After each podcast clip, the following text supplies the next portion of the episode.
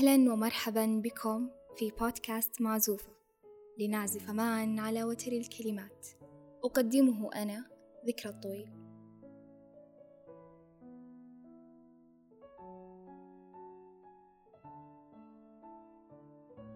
عمرك سألت نفسك إيش هو الشعور أو الإحساس المباغت اللي يجي فجأة ويدفع المرء إنه يفعل ويقدم أي ثمن بمقابل إنه يرجع يعيش نفس الإحساس الجميل أكثر من مرة؟ واللي يقدر يخلي الحياة زي ما قالت سعاد حسني.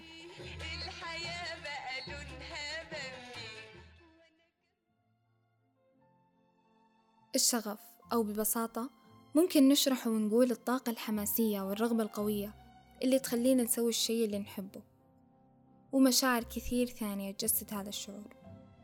وأسبابه كثير وتختلف من شخص للثاني اختلاف قاطع. يعتبر الشغف هو ال comfortable zone للشخص وهو المنطقة اللي بمجرد دخولنا فيها نكره فكرة الخروج منها ويصير عند كل شخص فينا القدرة على التنازل عن أي شيء بمقابل شعور السعادة اللي يغمرنا يكون مستمر لفترة أطول.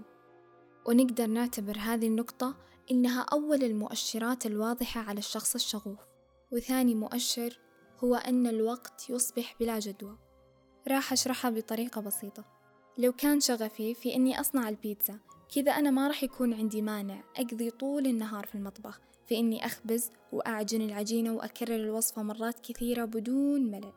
والساعة راح تمر ثواني فقط بمجرد ما إني أسوي الشيء اللي يولد الشعور الجميل اللي يجتاحني. أكثر الناس إبداعا هم الأكثر شغفا في الشيء الذي يفعلونه. عشان كذا مستحيل ننسى أفضل دكتور أسنان أو أفضل معلم أو أفضل مذيع سمعناه في إذاعات الراديو.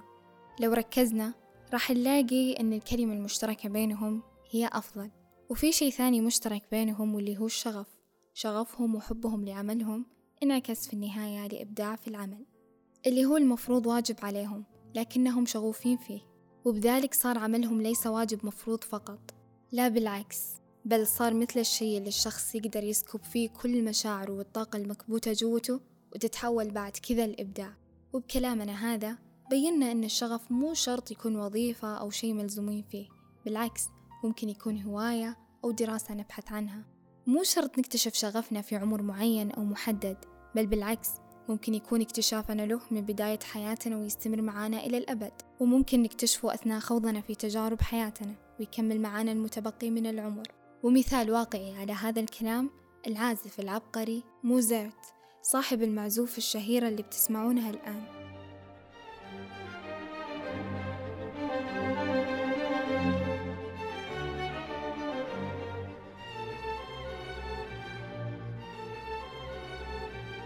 ويعتبر من العازفين اللي انولد شغفهم من بداية حياتهم. وعزف من يوم كان عمره ثلاث سنوات حتى أن أصبح من أشهر العازفين على مر العصور. وزي ما يعتبر الشغف هو طاقة تخلينا ما نحس بالتعب وتخلينا نجري عشان نوصل للهدف اللي نبغى نحققه. فهذه الطاقة تقدر في غمضة عين تتحول إلى انطفاء وسكون ونحس بأن شعور الحماس اللي كان فينا صار بارد بشكل ملحوظ. وهنا راح يدور في أذهاننا تساؤل وبيكون إيش السبب اللي وصلنا لهذه المرحلة؟ فقدان الشغف أو المرحلة اللي تكاد لا تخلو حياة أي شخص منها.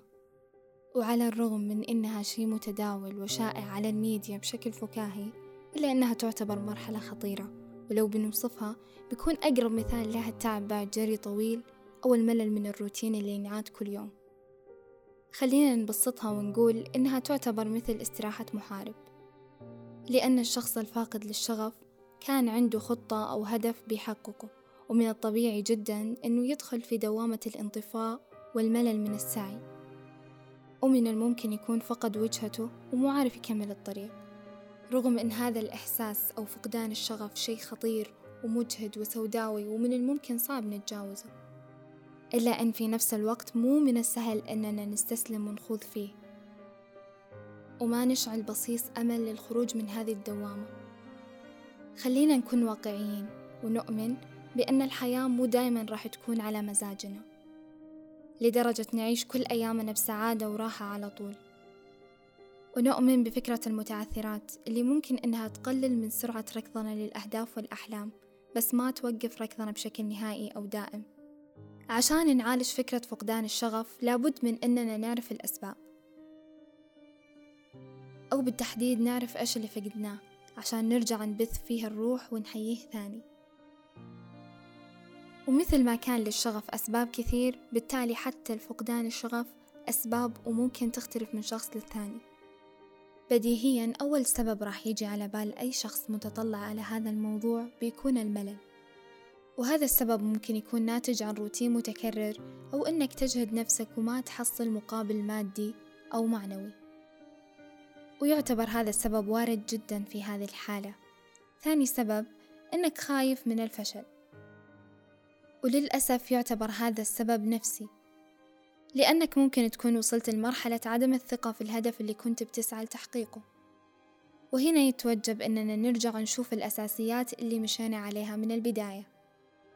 أيضا من الأسباب المحتملة رفع سقف التوقعات وممكن يكون هذا السبب سلاح ذو حدين لأن مستحيل الشخص يقدر يتوقع الأسوأ لنفسه وفي نفس الوقت مستحيل أتوقع شيء لا يمتد للواقع بصلة وكذا نقدر نربط هذا السبب بسبب آخر واللي هو المقارنات لأن البديهي إن صاحب سقف التوقعات المرتفع لمن يصاب بالإحباط راح يبدأ يقارن نفسه تلقائيا. إما إن كان على الصعيد المهني أو الدراسي أو حتى الحياة الشخصية ويبدأ تدريجيا يدخل في دوامة فقدان الشغف. طيب السؤال الحين كيف ممكن نطلع من هذه الدوامة؟ أو كيف نستعيد الشغف المفقود؟ في هذه المرحلة اللي وصلنا لها في حالتين يا إما نرجع لشغفنا القديم ونرجع نحييه أو نبحث عن شغف من أول وجديد. لو كان عندنا شغف ونبغى نرجع نحييه. كذا المسألة بسيطة. راح نرجع ونسأل نفسنا يا ترى أنا ليش مشيت هذا الطريق وبدأت فيه؟ وهل المتعثرات اللي وقفتني لها حل أو لا؟ وكذا تكون الصورة واضحة قدامنا ونقدر نحصل السبب اللي وصلنا لهذه المرحلة. ممكن يكون الضغط لنفسنا أو هدفنا ما كان مناسب لنا.